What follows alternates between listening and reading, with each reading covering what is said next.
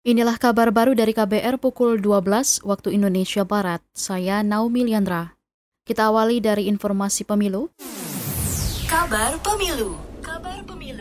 Saudara dukungan kelompok pemilih kritis kepada partai-partai politik di luar wilayah Sumatera dan Jawa dinilai cukup variatif. Direktur Riset Saiful Mujani Research and Consulting SMRC, Denny Irvani, mencontohkan PDIP unggul antara lain di Bali, Nusa Tenggara Timur, Kalimantan Barat, Sulawesi Utara, Maluku, Papua, dan Papua Barat. Sementara Golkar unggul terutama di Riau, Bengkulu, Gorontalo, Kalimantan Timur, dan Sulawesi Selatan. Gerindra unggul terutama di Sumatera Barat, Jambi, Nusa Tenggara Barat, dan Sulawesi Tenggara. Nasdem unggul di Sulawesi Tengah, sedangkan Demokrat unggul terutama di Aceh.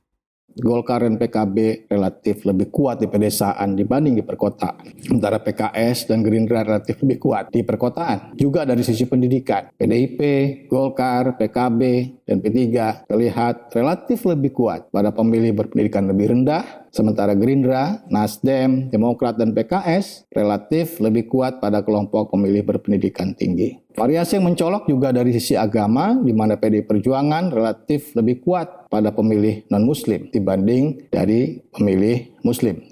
Direktur Riset Saiful Mujani Research and Consulting SMRC, Denny Irvani menambahkan survei nasional tentang tren elektabilitas partai di pemilih kritis dilakukan 18 dan 19 April 2023. Menurut Denny, bila pemilihan umum dilakukan pertengahan April ini, maka PDIP dipastikan meraup suara terbanyak dari kelompok pemilih kritis disusul Gerindra dan Golkar. Kegiatan latihan evakuasi warga secara mandiri harus rutin dilakukan setiap tahun. Latihan evakuasi ini untuk membiasakan warga siap siaga dan selamat dari bencana. Kepala Badan Nasional Penanggulangan Bencana BNPB Suharyanto mengingatkan, apa pun jenisnya bencana adalah kegiatan yang selalu berulang. Sekali saja bencana pernah terjadi di masa lalu, maka di masa depan bencana pasti akan terjadi lagi. Khusus untuk edukasi dan simulasi kebencanaan, kita harus paham edukasi, sosialisasi pelatihan, dan simulasi kesiapsiagaan bukanlah pelajaran sekali dalam hidup, tetapi pembelajaran dan upaya seumur hidup. Untuk itu, kita harus memastikan bahwa kegiatan-kegiatan ini harus dilakukan setiap tahun, karena dengan berlatih kita akan lebih siap. Dengan lebih siap, kita akan mampu mengurangi resiko bencana.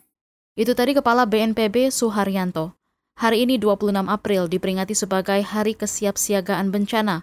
Peringatan puncak Hari Kesiapsiagaan Bencana tahun ini ditandai dengan membunyikan kentongan sirine bahaya dan lonceng secara serentak pada pukul 10 waktu setempat. Hal ini untuk melatih warga melakukan evakuasi mandiri agar siap dan selamat dari bencana. Kita ke berita luar negeri.